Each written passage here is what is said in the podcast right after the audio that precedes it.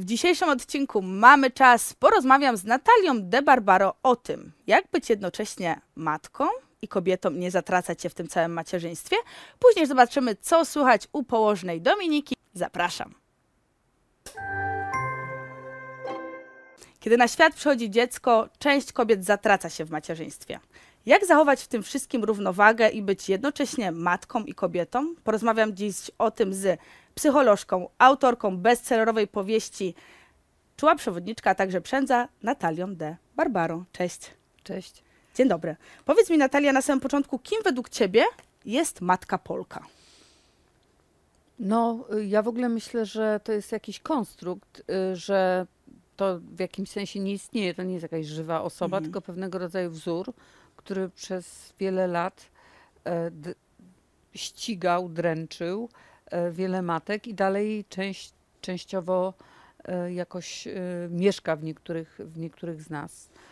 Czyli, czyli no, tak jakby bardzo doniośle, coś jakby z pomnika, a równocześnie na poziomie codzienności, no to jest ktoś, kto wydaje mi się w dużej mierze siebie za, zatraca Mhm. em, po to, żeby poświęcać się właśnie macierzyństwu i no, domowi i tak dalej. Poświęcać siebie. A myślisz, że to się dzieje jakby dlatego, że my same kobiety narzucamy sobie tą presję, czy tą presję narzuca nam społeczeństwo? Ja w ogóle nie wierzę za bardzo w społeczeństwo. E, To znaczy, znowu, em, społeczeństwo to jest jakiś taki byt em, dość em, abstrakcyjny. Em, Nikt, nie jest tak, że kiedyś e, ktoś zapuka do twojego domu, ty spytasz, kto tam, a ktoś odpowie, społecz- to Mhm. ja, społeczeństwo. Myślę, że, e, no, że to, jak się zachowujemy, jak żyjemy, no to jest mieszanka, taki wzór o bardzo wielu zmiennych. em, i takie równanie o bardzo wielu zmiennych. No i że częściowo to jest tak, że coś dziedziczymy, coś wdychamy jak powietrze, Mhm. jakieś wzory, prawda? E, tutaj reklama, tutaj sąsiadka, tutaj mamusia, no to wiadomo, mamusia postać centralna, e, tutaj nauczycielka, tutaj pierwszy chłopak i tak dalej. E, ale oczywiście, jak jestem dorosłą osobą, no to już zyskuję pewien wpływ na to, Mhm. które z tych wzorów chcę uznać za swoje i według których z nich żyć, a które z nich zakwestionować i w ich miejsce znaleźć jakiś swój własny wzór. No właśnie, ale jak już się tak zatracimy, to co zrobić, żeby wyjść z tego takiego pokoju, w którym się zamknęłyśmy z tym dzieckiem i znaleźć tą przestrzeń dla siebie? Ty bardzo dużo też jakby w swojej pierwszej książce, w Czułej Przewodniczce, piszesz o różnych jakby osobach, postaciach i myślę, że tam każda kobieta może znaleźć siebie i właśnie tam też może znaleźć tą taką matkę, która zatraciła się na rzecz e, tego dziecka. Mm. No wiesz, w ogóle jak mówisz zatracić siebie, to ja sobie myślę, jakie to jest szkodliwe dla dziecka. Mnie na przykład bardzo e, po, jako mamie też pomaga taka świadomość, że jeżeli ja zatracę siebie, to moje dziecko w jakimś sensie nie, nie ma mamy jako autonomicznej osoby, Mhm. która ma jakiś swój świat, ma jakieś swoje przekonania, ma jakąś swoją osobowość, ma jakieś coś, coś własnego, no tylko że sprowadzam się do pewnego rodzaju roli, czyli tak naprawdę em, listy czynności. No to to dla dziecka jest bardzo niefajne. Zgadzam jeżeli się. to jest córka, uczy się, że kobieta nie ma swojej autonomii. No jeżeli to jest syn, to też się uczy, że, że kobieta nie ma swojej autonomii, więc wydaje mi się, że być może jednym z najważniejszych zadań, jakie mamy, jako, y, znaczy ja, ja bym sobie tak powiedziała, że jednym z najważniejszych zadań jak, moich jako mamy, to jest to, żeby mój syn zobaczył, e, no, że kobieta jest y, kimś osobnym, kimś, kto ma jakiś, jakiś włas, y, jakąś swoją właśnie, swój własny pokój, y, jakąś swoją autonomię. I oczywiście częścią tego, kim jestem, jest to, że jestem w więzi, w relacji, że jestem dobra dla niego, że jest dla mnie niezwykle ważnym Mhm. człowiekiem, no ale to nie znaczy, że ja znikam. Mhm. I co w takim razie zrobić e, dla siebie? Gdzie znaleźć tą przestrzeń? Czy szukać jej, nie wiem, w jakichś takich społecznościach, na przykład na grupach na Facebooku, jeśli na razie nie chcemy wyjść z domu, powiedzmy, czy ta grupa na Facebooku może być takim trochę oderwaniem? Wiesz, y, nie, dla mnie pytanie, co zrobić, jest pytaniem do osoby, która się zorientowała, że się Mhm. zatraciła. Czyli wierzę, i to jest dla mnie taka optymisty, taki optymistyczny kawałek, wierzę, że jak e, sobie zadasz pytanie i że jak kobieta i mężczyzna, myślę też, zada sobie pytanie, czego ja teraz potrzebuję, czego ja, za czym ja tęsknię, za czym moje serce tęskni, no to wtedy, że się pojawią y, odpowiedzi. Mhm. Y, Dla mnie jest bardzo smutne, jak kobieta na przykład mówi o swoich pasjach, że miałam, kiedyś miałam takie pasje, kiedyś uwielbiałam malować, kiedyś y, uwielbiałam e, tańczyć, kiedyś uwielbiałam y, pisać wiersze albo czytać wiersze i, i potem następuje takie zdanie, no ale potem dzieci, wiadomo. Mhm. I to wiadomo, to jest dla mnie takie bardzo bolesne miejsce, no bo to nie jest tak, że wiadomo, Mhm. E, i na przykład e, rozmowa ze swoim partnerem czy partnerką na temat tego, że potrzebuje trzech godzin w tygodniu, żeby właśnie wrócić do tańca, albo wrócić do pisania, czytania, czy czegokolwiek, albo żeby sobie przez trzy godziny y, oglądać komedię romantyczną sz- sz- 67 raz tą samą, no że to jest ważna rozmowa, nie? Ja myślę też, że problem e, pojawia się w momencie właśnie, kiedy nie mamy tego wsparcia u drugiej osoby, czy to partner, czy partnerka. Jak prosić o to wsparcie? Bo my czasami się boimy o to prosić, bo wydaje nam się, że nikt nie zrobi lepiej niż my. No i to już akurat taki rodzaj przekonania to rzeczywiście jest, e, no oznacza, że, że najważniejsze, żeby w sobie, że ważne jest, żeby w sobie zbudować gotowość do tego, że coś będzie trochę gorzej zrobione, ale, ale ja za to będę robiła coś, co jest moje. Jak pytasz, jak prosić, mnie się wydaje, że, że to jest po prostu sytuacja negocjacyjna, Mhm. e, która się w dodatku odbywa między dwojgiem ludzi, którzy się w większości przypadków kochają, więc to jest dobra prognoza. Natomiast e, znowu ja bardzo wierzę, że nie opłaca się ukrywać swoich potrzeb Mhm. przed sobą i przed osobą, z którą jesteśmy, bo, no bo, no bo to się nie opłaca też tej osobie. No oczywiście to jest trudniejsze, y, jeżeli się jest samodzielną matką, Mhm. a takich matek jest e, Bardzo 20% Tak, zdaje się. Bardzo dużo, bardzo dużo. E, no ale właśnie, jesteśmy samotnymi matkami, no ale przecież mamy przyjaciół, mamy rodziców czasami. Może warto tam szukać też pomocy. No ale znowu jest to samo, znowu się pojawia, że może ja zrobię sama lepiej. No tak, y, wiesz, jest takie zdanie, ktoś powiedział, że depresja jest nagrodą za grzeczność. Mhm. I dla mnie to jest trochę o tym, że jeżeli ja będę żyła w stanie ciągłego podporządkowania takim też normom, które właśnie już są w tej chwili głównie we mnie, w mojej głowie, no to, to, się, no to się długofalowo kończy niedobrze. Też na przykład e, właśnie dla dziecka, e, które staje się pewnego rodzaju em, no takim może jakby trochę projektem, ale też takim obiektem, em, który ma spełniać potem Mhm. y, który ma mi się wypłacić za wszystko, co ja poświęciłam. A przecież to dziecko, jak ma, nie wiem, jakaś Zosia albo Stasiu, który ma tam roczek, potem 5, potem 10, potem 15, on nie, e, no on, się, on nie przyszedł do, do banku z dowodem osobistym, prośbą o pożyczkę. Mhm. Więc to nie em, jest- szczególnie niesprawiedliwe, kiedy potem po latach usłyszy, ja dla ciebie wszystko poświęciłam, a ty teraz śmiesz wyjść z kolegami. Mhm. No bo A, to się tak kończy. No. Dokładnie i wtedy ten Stasiu odpowiada, ale przecież ja nie chciałem, żebyś ty wszystko dla mnie poświęcała. I tu się koło tak, Tak, naprawdę... Tak, no i to jest, pokazuje, jaki to jest, e, jaki to jest e, podstępny w ogóle trop, Mhm. znaczy w, tor, powiedziałabym bardziej. Więc, e, że, że ja bardzo wierzę wiesz, też w to, że, że jesteśmy mądre, Mhm. że jak sobie przekminimy same z przyjaciółkami, to, to będzie, będzie mniej więcej wiadomo, jakby było lepiej. I wtedy jest tylko pytanie o to, jak znaleźć e, taką determinację, żeby zacząć. Mhm. Ja tutaj też bardzo polecam przyjaciółki jako grupę doradczą. Często i grupę do, doradczą, grupę wsparciową. Wiem, że bardzo wiele kobiet praktykuje takie barterowe, że tak powiem, usługi, że Mhm. na- ty mi p- popilnujesz, potem ja ci popilnuję i tak dalej. Ale też bardzo zachęcam, że jeżeli jesteśmy w, e, w domu, gdzie jest też partner czy partnerka, żeby, mm, żeby się nie zgadzać na to, e, na taki e, krzywy podział obowiązków rodzicielskich. Wydaje mi się, że, że to jest dalej bardzo jakoś nierówne, mimo że panowie idą w dobrą stronę. To prawda, choć mam wrażenie, że wciąż jest tak, że ma, matka jakby ona sama po prostu przejmuje i mówi, dobra, ja zawiozę dzieci, bo coś tam. No tak, a Ja- potem narzeka, że jest wycieńczona. No To ale prawda. Tu się, za, I tu się koło zamyka. I tu nie? się koło zamyka. E, a powiedz mi proszę, e, jeszcze jak jesteśmy przy matkach i wiem, że ty jesteś też mamą. Jaki ty masz swój pokój, ten taki, e, w którym się zamykasz? Jakie, jakie ty masz pasje, oczywiście poza pisaniem, bo domyślam się, że masz coś jeszcze takiego, co tak odrywa i od pisania, i od macierzyństwa, i od takiej codzienności. Wiesz co, jak kiedyś mój syn mnie spytał, jaka jest moja ulubiona czynność, ja się namyśliłam i, do, i powiedziałam mu, że patrzenie. O. Ja się, ba, ja się bardzo lubię patrzeć na świat, zagapiać. E, moja wewnętrzna dzika dziewczynka jest taka bardziej nieruchoma. Natomiast no ja y, jestem jogi, joginką, jeśli Mhm. mogę tak powiedzieć, bo właściwie im dłużej praktykuję jogę, tym mniejszą mam śmiałość, żeby tak powiedzieć. Em, trochę czytam. trochę czytam wierszy. e, Uwielbiam e, bukiety e, robić. O, proszę. Chodzę po łąkach, zbieram kwiaty. Albo mieszanka, kwiaciarnia i, i łąka. E, Lubię chodzić do ogrodu.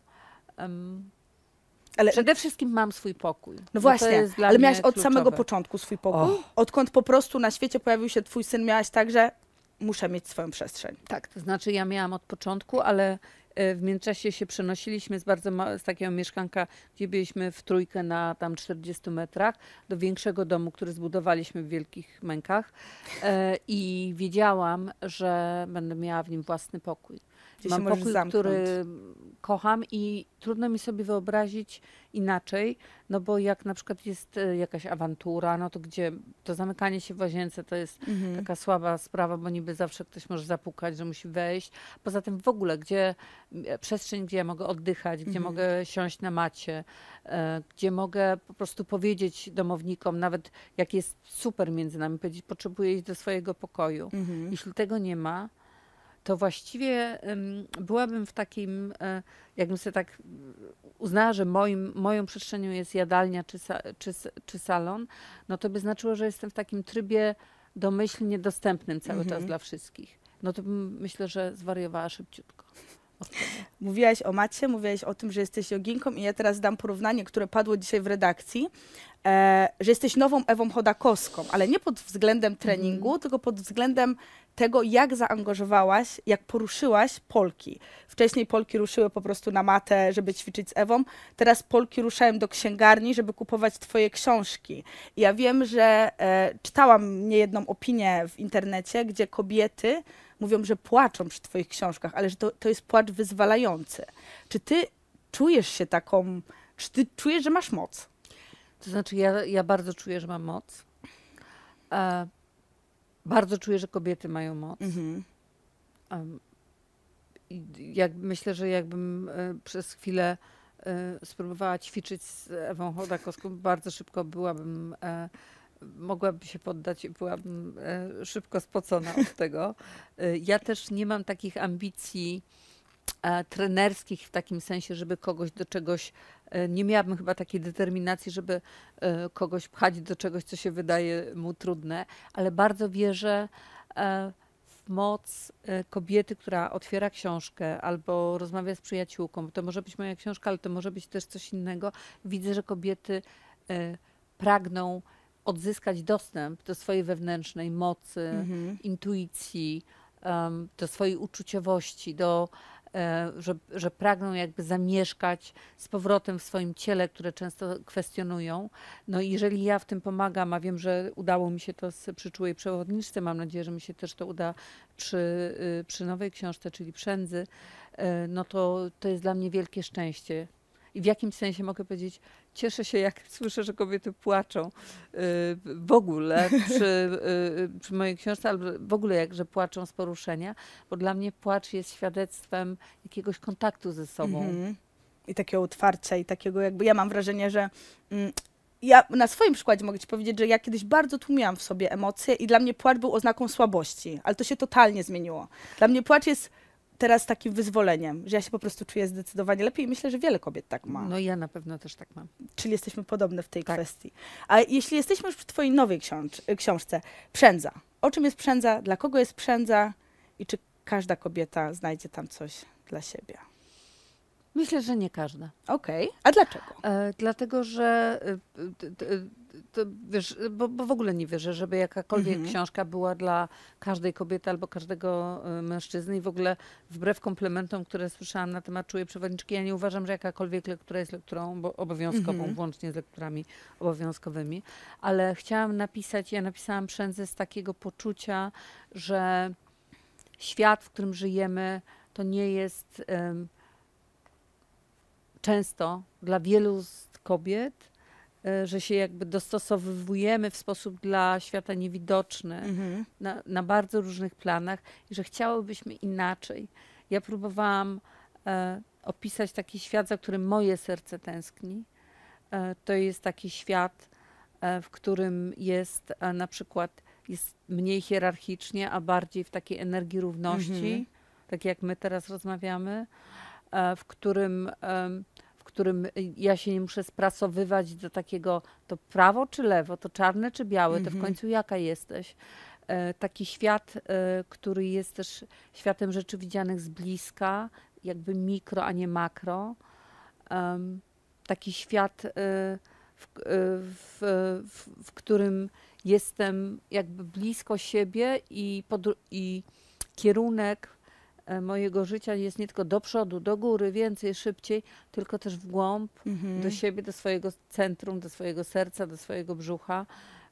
I to jest, można tak e, mieszkać w świecie. Ja w to wierzę.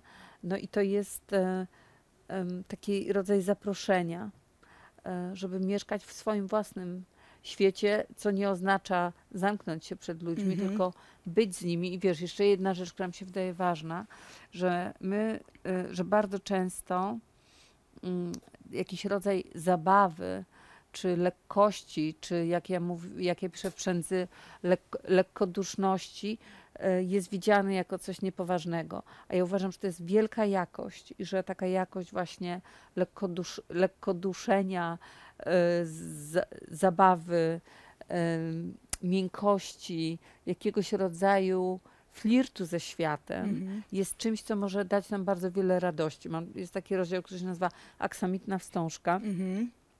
Y, No i tam jest właśnie o tym, jak sobie kupiłam za tam 3 zł czy ileś kawałek aksamitnej książki kompletnie bez powodu. E, No, więc do tego też e, będę chciała zaprosić. Mam nadzieję, że, że zostanie przyjęte to zapro- zaproszenie. Tak pięknie zaprosiłaś, że po prostu ja już nie mogę się doczekać, kiedy będę mogła chwycić za książkę i ją przeczytać. Natalia, bardzo Ci dziękuję za dzisiejsze spotkanie. E, Was oczywiście zapraszam do lektury Przędzy, która już jest dostępna we wszystkich po prostu księgarniach, no i czekamy na bestseller kolejny. Trzymam mocno kciuki. No, dziękuję Ci serdecznie i cieszę się na myśl, że, że, że będziesz czytała. Będę, będę i dam znać, e, dam znać, Tak czy jest. płakałam, czy nie płakałam, to czy się śmiałam na Ważny przykład. test. Mam nadzieję, na- że jedno i drugie. Jedno i drugie. Też mam taką nadzieję. Natalia, bardzo Ci dziękuję. Dziękuję Ci serdecznie, dziękuję, że oglądałeś. A Was teraz zapraszam na kącik położnej.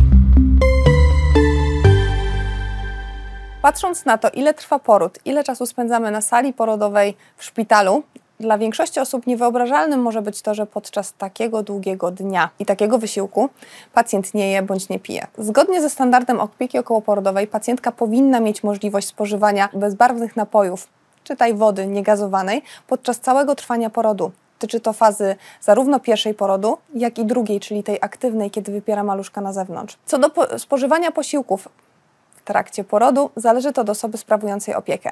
I tu zwykle pojawiają się schody. W większości szpitali na sali porodowej niestety nie zostanie Wam zaproponowany posiłek w obawie przed tym, że jeśli poród potoczyłby się nie fizjologicznie, a patologicznie i byłaby konieczność znieczulenia takiej kobiety, to niestety anestezjolog może mieć obiekcję w momencie, kiedy będzie ona najedzona. Natomiast jeśli poród przebiega fizjologicznie, nie ma żadnych przeciwwskazań ku temu, żeby pacjentka jadła, to taki posiłek powinien być jej zaproponowany. Ważnym jest również to, żeby tę e, swoją chęć na spożycie posiłku wyrażać. Jeśli podczas porodu nie powiesz, że jesteś głodna, bardzo często nawet nie pojawi się taka propozycja, ponieważ latami pacjentki nie dostawały jeść w szpitalach. Jeśli wiesz, że jest to problem, jesteś zmęczona, musisz zjeść, zapytaj położną, która sprawuje nad tobą opiekę, czy mogłabyś coś zjeść, co to ma być, czy ten poród zapowiada się jeszcze długo, czy warto by było, żebyś teraz właśnie coś zjadła. Będziesz miała więcej siły na dalszy okres porodu. Natomiast nigdy nie robimy tego na sali porodowej okradkiem. Personel musi wiedzieć, czy jesteś głodna, czy jesteś najedzona e, i czy w, w przypadku ewentualnego znieczulenia e, pojawią się jakieś obiekcje co do tej treści. Pamiętajcie, że jeśli chce Wam się pić na porodówce, standard gwarantuje Wam taką możliwość. Miejcie z tyłu głowy właśnie to, że nie ma takiego zapisu, który mówiłby o tym, kobieto, musisz usychać na porodówce. Wodę pić każda z Was może. Rozmawiajcie na ten temat, macie się czuć dobrze i komfortowo, to jednak jest gigantyczny wysiłek w naszym życiu. Trzeba się do niego dobrze przygotować.